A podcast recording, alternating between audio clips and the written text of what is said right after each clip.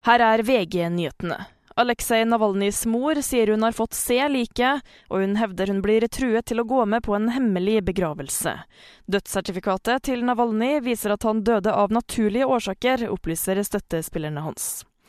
Politiet jobber med å identifisere flere belgiske soldater etter voldshendelsen ved et utested i Åndalsnes forrige helg. Fire er foreløpig siktet. Og det skal være grunnlag for å sikte ytterligere soldater. Hittil er rundt 70 personer avhørt i saken, herunder 20 belgiske soldater, opplyser politiet til NTB. En lokal mann ble sendt til sykehus med skader etter hendelsen. Totalt har fire status som fornærmet. Reporter Frode Sti. Kommunene Vardø, Frosta og Siljan har også gjort som Drammen og vedtatt at de bare vil bosette ukrainske flyktninger, det skriver Vårt Land. Vardø kommune begrunner det med at det vil være for krevende for helse og utdanning om de må bruke 10-15 forskjellige språk. Det skal komme mellom 30 og 50 millimeter nedbør enkelte steder på Vest-, Sør- og Østlandet fra i kveld fram til i morgen ettermiddag. Meteorologene anbefaler å se til at stikkrenner og sluk ikke er tettet av snø og is.